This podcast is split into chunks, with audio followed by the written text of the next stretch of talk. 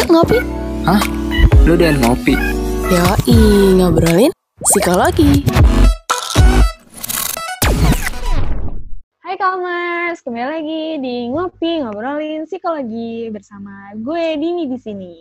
Uh, pada episode kali ini, gue ditemani oleh uh, dua teman gue. Yang satu pendatang baru, baru menemani Kalmers semua di podcast uh, Calm. Yang satu lagi mungkin beberapa kali Kalmers udah pernah ngedengar suaranya. Nah, yang pertama nih, yang pendatang baru ada Ale. Halo, aku Ale. Perkenalkan ya. Dan yang kedua ada Alia. Halo Kalmers, aku Alia. Jangan bosan-bosan ya dengerin suara yang ini. nah, topik pembahasan kita kali ini itu menurut gue sangat-sangat menarik karena uh, mungkin beberapa kali sering diangkat ke film di sosial media juga banyak ya yang ngobrolin tentang topik ini. Nah, uh, kalau film yang angkat topik ini apa nih kira-kira? Kalau gue sih tahu cuma Imperfect sama ya Imperfect yang baru-baru ini tayang di apa namanya di bioskop. Kalau Ale sama Ale mungkin pernah nonton film atau apa gitu yang membahas tentang topik kita kali ini sebelum kita lanjut ke topik. Aku tahu judulnya I Love You Man. Itu tuh yang main Paul Rudd, yang main Ant-Man. Tahu nggak? Tahu, tahu, tahu. Nah, jadi ceritanya itu si Paul Rudd ini dia mau menikah dan kalau di negara luar gitu biasanya uh, pengantin laki-lakinya itu di pernikahannya bawa best man kan. Itu tuh biasanya tuh um, sahabatnya atau pokoknya teman laki-laki yang deket sama dia gitu kan. Nah, masalahnya di film ini si Paul Rudd ini nggak punya sahabat cowok, nggak punya teman cowok malah. Jadi teman-teman dia itu banyak kan cewek dan bahkan teman-temannya itu teman-temannya si ceweknya itu, teman-temannya si, hmm. si tunangannya. Terus dia tuh dia ngerasa eh gue udah mau nikah kok gue nggak punya teman cowok nggak ada yang bisa jadi best man gue terus ditambah lagi karena dia sempet gak sengaja nguping pembicaraan si uh, tunangannya sama teman-temannya si tunangan ini jadi uh, di mana si tunangannya ini bilang bahwa ya nih si uh, si pacar gue nggak punya temen cowok. Nanti gimana ya? Nanti yang jadi best man siapa? Nah dari situ si Rudd itu merasa insecure. Bener, insecure-nya kayak ntar orang-orang bakal ngomongin gue nggak ya? Karena gue nggak punya temen cowok dan lain kayak gitu kan lah ya? Kira-kira ya. Nah kira-kira insecure itu apa sih? Nah uh, insecure ini ketika seseorang ini merasa takut, khawatir, dan ragu pada dirinya sendiri. Insecure sendiri bisa terjadi secara tiba-tiba atau pada waktu tertentu gitu. Umumnya sih orang yang ngalamin insecure ini punya self esteem yang rendah. Contoh dari insecure ini bisa jadi dia ini ngerasa nggak fit in di dalam kelompoknya sendiri atau dia punya pikiran kayak goal yang goal yang udah dibuat atau tujuan yang udah dibuat tuh bakalan tercapai nggak ya? Terus ada juga misalnya eh, orang-orang di sekitar kita tuh bisa nerima kekurangan yang ada di diri kita nggak ya? Kayak gitu sih. Nah, terus uh, insecurity ini juga bisa memicu munculnya anxiety atau kecemasan karena gejala kecemasan atau anxiety itu bisa muncul dari seseorang yang merasa insecure sama dirinya sendiri. Nah, kira-kira kalian pernah nggak ngerasa kayak gitu? Ale dulu deh. Ngerasa insecure ya? Hmm. Ya. Pernah banget sih ngerasa insecure. Insecure-nya masalah penampilan. Penampilan sih, kayak misalnya yang lain tuh penampilannya udah wow gitu, diri sendiri tuh kayak ya nggak pede aja kayak gitu, jadi ngerasa insecure sama diri sendiri. Kalau gue lebih ke yang uh, goals, yang tadi goals atau tujuan-tujuan itu nanti bisa tercapai apa enggak apalagi kan sekarang kayak umur-umur gue bahkan mungkin umur-umur kalian juga ya apa Ale sama Ale itu kan udah umur-umur semester tua ya. Jadi kan ekspektasi orang-orang kan udah mulai tinggi nih ke kita kayak bisa nggak ya lulus tepat waktu? Bisa nggak ya lulus tahun depan? Gitu kan. Jadi kayak gue lebih gue lebih takut aja sih kayak bisa nggak ya goals goals gue untuk lulus tahun depan tuh tercapai? Gitu. Lebih lebih lebih ke lebih ketakut ke arah situ sih. Kalau Ale? Kalau aku mungkin sebenarnya sejalan juga sama punya Dini ya. Soalnya kayak aku ngerasa insecure karena uh, keluarga uh, keluarga aku itu high achiever. Terus uh, mereka tuh berprestasinya, sedangkan aku ngerasa prestasi yang aku punya tuh nggak sepadan sama mereka. Jadi aku ngerasa uh, sebenarnya gue udah cukup belum sih kayak gini. Sebenarnya gue tuh uh, kayak ini kurang nggak sih kayak masih kayak gini. Aku ngerasa insecure karena itu sih. Jadi sebenarnya sebenarnya sih uh, apa ya insecure itu tuh perasaan yang mungkin banyak dialamin sama orang, tapi mungkin kadarnya beda-beda kan. Ada yang tinggi banget, ada yang sedang, ada yang rendah kayak gitu.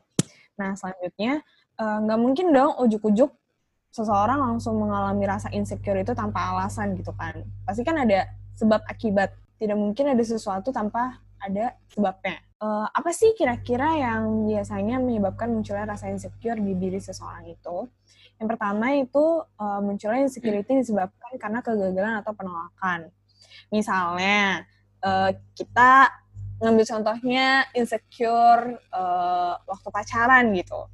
Karena di sebelumnya mungkin pernah gagal, pernah putus sebelum sama pacar yang sekarang nih uh, karena diselingkuhin gitu. Jadi di apa namanya di hubungan dia yang saat ini sedang dia jalanin atau sedang dia dia bina, dia jadi takut uh, kira-kira cowok gue selingkuh nggak ya atau uh, cowok gue sayang nggak sih sama gue kayak gitu karena dia sudah pernah mengalami kegagalan di dalam sebuah hubungan karena selingkuh atau misalnya penolakan misalnya penolakannya bisa aja di society-nya dia atau uh, penolakan di lingkungannya dia gitu. Jadi dia akhirnya takut untuk approach orang duluan. Nanti kalau misalnya gue nge-approach duluan, uh, orang ini bakal nolak gue nggak ya? Atau uh, dia bakal kayak gimana ya sama gue? Kayak gitu.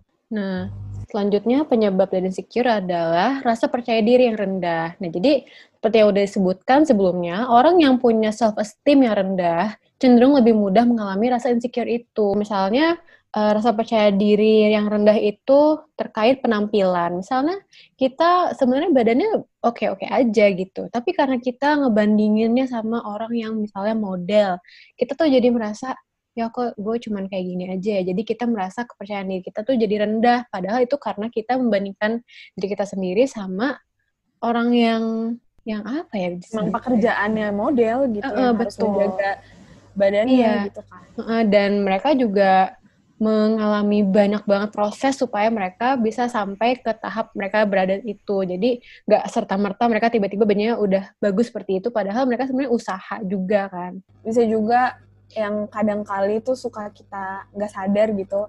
Kalau misalnya ngelihat uh, Insta story-nya uh, travel blogger. Mm -hmm. Kok, oh my god dia enak banget ya, uh, apa namanya, uh, setiap hari pindah negara dan lain-lain sedangkan gue di sini kayak rebahan kayak gitu hmm, kan. iya. betul betul. Sebenarnya kayak sesimpel kita buka Instagram aja tuh kadang bisa bikin insecure loh. Iya iya soalnya kita jadi iya bener banget ya. Soalnya kita jadi ngelihat orang-orang yang pada uh, di masa mereka lagi seneng-senengnya banget gitu kan. Makanya mereka ngepost itu karena mereka emang lagi senang-senangnya. Padahal nggak selalu mereka sesenang itu kan. Jadinya jatuhnya kayak ngebandingin diri sendiri sama orang lain. Betul. Iya kan bener iya bener kita kadang suka nggak sadar gitu ngebandingin ya gitu kan. Terus akhirnya malah jadi muncul rasa insecure itu. Nah yang ketiga ini munculnya insecure ini didasari oleh sifat perfeksionis. Contohnya sih misalnya kita lagi ngerjain tugas. Ngerjain tugas terus udah selesai tapi kita tuh ngerasa kalau tugas yang kita kerjain itu nggak sempurna gitu masih ada aja yang salah.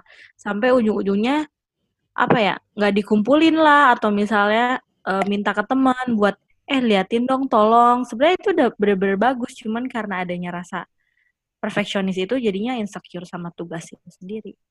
Bener kayak mungkin apa ya kayak takut kurang atau gimana jadi akhirnya dia jadi nggak pede kan kembali lagi ke yang pertama poinnya tuh sebenarnya ini tiga poin ini saling berhubungan satu sama lain sebenarnya.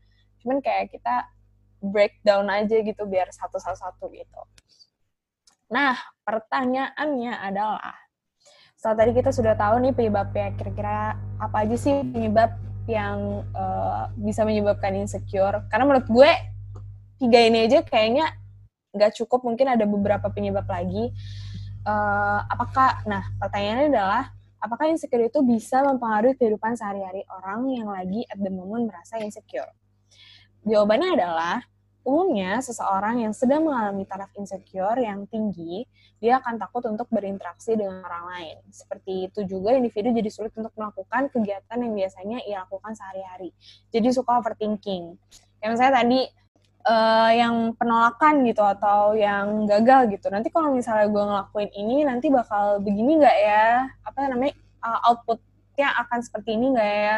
Atau kalau misalnya nanti dia kesel nggak ya sama gue kalau gue ngerjainnya begini atau atau sesimpel gini deh nanti dia kesel nggak ya kalau misalnya gue chat dia terus-terusan gitu. Padahal sebenarnya urgent gitu. Tapi kan kita jadi takut kan ntar dia kesel nggak ya sama gue? gitu. Karena mungkin sebelumnya dia punya pengalaman uh, dia dijauhin sama temannya gara-gara dia sering ngechat terus-terusan kayak gitu. Atau misalnya atau misalnya kalau misalnya terkait penampilan kalau misalnya gue pakai baju ini yang seperti ini nanti diomongin gak ya sama satu RT atau nggak usah satu RT dikit terlalu lebay kalau satu RT sama satu gengan gitu misalnya diomongin di belakangnya. Ya nggak sih? Nah Betul iya. banget. terus nah dari pertanyaan-pertanyaan yang tadi udah Dini sampaikan ini bisa membuat individu ini terlalu malu atau bahkan takut untuk bertemu dengan orang lain gitu di mana hal tersebut membuat jarak antara individu dengan orang-orang di sekitarnya. Jadi individu ini bisa menarik diri dari lingkungannya gitu, nggak mau bersosialisasi, kayak udah sendiri aja bisa sampai kayak gitu. Hmm. Karena dia takut kan Al. Hmm, nah, karena Betul udah banget. takut untuk berinteraksi seperti itu, udah ada jarak nih, itu dapat menyebabkan isolation dari individu tersebut dari orang lain. Karena uh, dia udah merasa takut untuk bersosialisasi, dia merasa serba salah, dan karena itu uh, isolasi itu bisa uh, mengganggu kesehatan mental si orang itu yang merasa insecure itu. Jadi bisa menimbulkan depresi, bisa menimbulkan social anxiety, bahkan bisa menimbulkan demensia. Nah, sekarang pertanyaannya, kira-kira ada nggak sih solusinya kalau misalnya uh, kita udah terlanjur merasakan insecure tersebut, atau kita ingin mencegah uh, rasa insecure itu tumbuh, atau at least uh, meminimalisir adanya rasa insecure itu muncul. Kira-kira gimana sih caranya biar gak insecure atau menurunkan insecure? Oke, jadi uh, langkah yang pertama adalah untuk memaafkan keadaan yang terjadi di masa lalu. Misalnya rasa insecure kita itu muncul karena suatu kejadian atau suatu orang di masa lalu itu. Misalnya kita diputusin atau ditolak sama gebetan maksudnya. Nah, kalau misalnya kita coba untuk uh, maafkan kejadian itu, maafkan orang itu, kita bisa uh, mengambil langkah pertama untuk me menumpas insecure itu. Karena kalau misalnya kita uh, bayangin sebenarnya gak semua hal yang dilakukan oleh orang lain terhadap kita itu disadari sama mereka. Jadi mereka mungkin gak nyadar bahwa perilaku mereka terhadap kita itu bisa berdampak yang sangat hebat bahkan sampai menimbulkan insecurity pada kita. Jadi uh, langkah yang pertama adalah untuk memaafkan masa lalu uh, yang telah me menimbulkan rasa insecure pada diri kita itu. Benar sekali. Yang kedua ini menerima di kamu seutuhnya.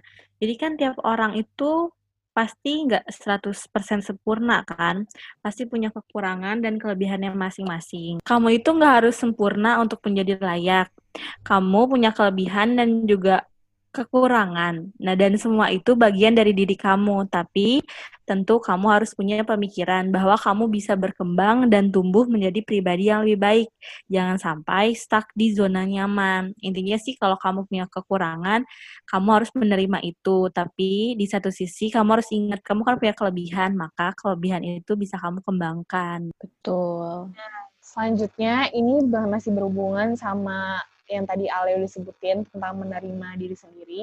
Yang ketiga, yang kadang kali suka kita lupa, bahkan kayak susah banget untuk kita lakuin, yaitu uh, belajar untuk mulai memuji atau mengapprove diri sendiri. Bahwa diri ini tuh, diri kita tuh layak loh untuk tetap bertahan di dunia. Atau kayak, gue tuh pantas loh untuk dapat penghargaan dari orang. Maksudnya jangan tunggu orang lain dulu memuji atau mengapprove gitu. Mulai aja untuk menerima diri sendiri dulu, mulai dari hal-hal kecil yang bisa dilakukan. Misalnya mungkin ada yang balik lagi tadi yang kayak poin yang Ale sebutin, misalnya uh, ada satu apa namanya? ada satu kekurangan tapi kita mungkin bisa menutupi dengan satu kelebihan itu dengan cara apa? Nah, kelebihan itu biar tambah kuat nih, biar tambah bagus dengan cara terus menguji kelebihan tersebut gitu. Tapi ya cukupnya guys, jangan terlalu berlebihan karena sesuatu yang berlebihan itu tidak baik. Betul. Terus selanjutnya kita itu harus stop banding-bandingin diri sama orang lain karena nggak akan ada habisnya. Seperti pepatah rumput tetangga akan selalu lebih hijau. Kalau kita banding-bandingin uh, diri kita sama orang lain itu nggak bakal ada habisnya soalnya pasti bakal ada orang yang lebih baik dari, daripada kita di suatu bidang tertentu itu, meskipun kita merasa udah mengachieve banyak di bidang itu. Jadi misalnya uh, sebenarnya kelemahan aku misalnya matematika. Kalau misalnya aku bandingin kemampuan matematika aku sama orang yang emang kelebihannya itu adalah matematika, aku gak bakal bisa uh, mencapai itu, gak akan merasa bahwa aku cukup. Tapi kalau misalnya aku fokus pada kelebihan aku yang lain di luar matematika, itu mungkin kita bisa lebih uh, mudah menerima diri sendiri. Jadi intinya kita harus berhenti membandingkan diri kita dengan orang lain. Jadi kita harus coba mulai menerima diri apa adanya dan berpikir orang lain ya orang lain dan gue adalah gue. That's right. Benar sekali.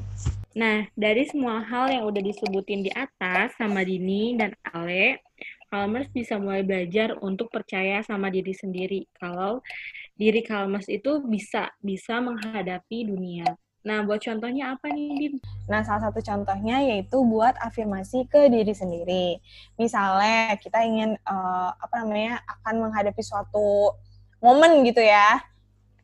Nah, tapi kita tuh uh, bikin afirmasi yang positif ke diri sendiri. Kayak misalnya, uh, gue akan memberikan yang terbaik di momen ini. Jadi, apa pun yang terjadi setelahnya, ya itu emang seharusnya terjadi. Bukan salah gue, karena gue sudah memberikan yang terbaik yang bisa gue berikan. Sehingga nanti setelah momen tersebut lewat dan outputnya apa pun outputnya nanti kita nggak bakal uh, nyalain diri sendiri. Dan nanti uh, untuk kesempatan-kesempatan lainnya kita malah jadi lebih apa ya kayak lebih ngedevelop gitu loh. Karena kan sebelumnya kayak oh udah yang terbaik. Berarti uh, yang selanjutnya gue pasti bisa yang lebih baik gitu. Jadi kayak lebih bikin afirmasi yang positif dan uh, percaya gitu di kesempatan itu pasti akan ada kesempatan lainnya kalau misalnya misalnya gagal gitu kan. Yang terakhir sebelum kita menutup episode kali ini, uh, kita bertiga cuman mau ngomong kalau misalnya ngerasain insecure itu emang nggak enak kok. Kita tahu rasanya nggak enak banget. Uh, dan mungkin banyak orang yang juga lagi ngalamin hal itu dengan alasan yang berbeda-beda. Tapi mungkin uh, cara mereka uh, apa namanya dealing with insecurity-nya itu beda-beda setiap orang. Gue beda, Ale beda, Ale beda, mungkin Kalmers juga yang ngedengerin ini beda uh, ngatasin insecurity-nya. Jadi gak usah takut kalau misal tiba-tiba kamu ngalamin hal itu. Kalau kamu merasa memang gak bisa ngatasin hal itu sendirian, atau uh, udah nih coba beberapa cara yang tadi kita sebutin di atas nih misalnya, kamu bisa cari bantuan profesional ya. Jadi gak usah takut untuk mencari bantuan profesional.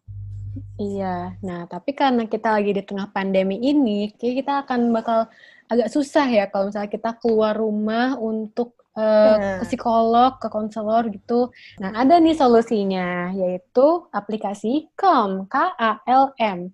Nah, di aplikasi Calm ini kita bisa konsultasi ke psikolog secara online. Jadi kita nggak usah lagi keluar rumah untuk um, mendapatkan uh, jasa psikolog, tapi kita bisa melakukannya di rumah saja. Betul banget nih. Nah, Calmers juga jangan takut buat konseling di Calm, karena psikolog dan konselor yang ada di Calm punya surat izin praktek, dan pastinya bakal jaga rahasia Calmer semua. Jadi jangan lupa ya, download aplikasi Calm di App Store dan Play Store. Nah itu juga di aplikasi Calm itu juga ada yang namanya gratitude journal. Jadi Calmers bisa isi itu setiap hari. Kira-kira hal apa sih yang bikin Calmers happy hari itu atau hal apa sih yang bikin Calmers marah, sedih, kesel semuanya ditulis di gratitude journal. Oke, okay, jangan lupa untuk download ya aplikasinya karena aplikasinya gratis. Ingat K A L M Calm. Oke, okay? bisa di-download di uh, Play Store dan App Store. Oke, okay, mungkin sekian topik bahasan kita kali ini. Semoga bermanfaat ya untuk Palmer sekalian. Sampai jumpa di Ngopi Ngobrolin Psikologi selanjutnya. Stay calm and stay healthy. Dadah! Dadah! Dadah!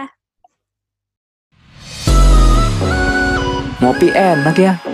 Iya dong, namanya juga ngobrolin psikologi ketagihan ngopi lagi? Makanya pantengin sosial medianya di @get.com biar kamu gak ketinggalan ngopi-ngopi seru lainnya.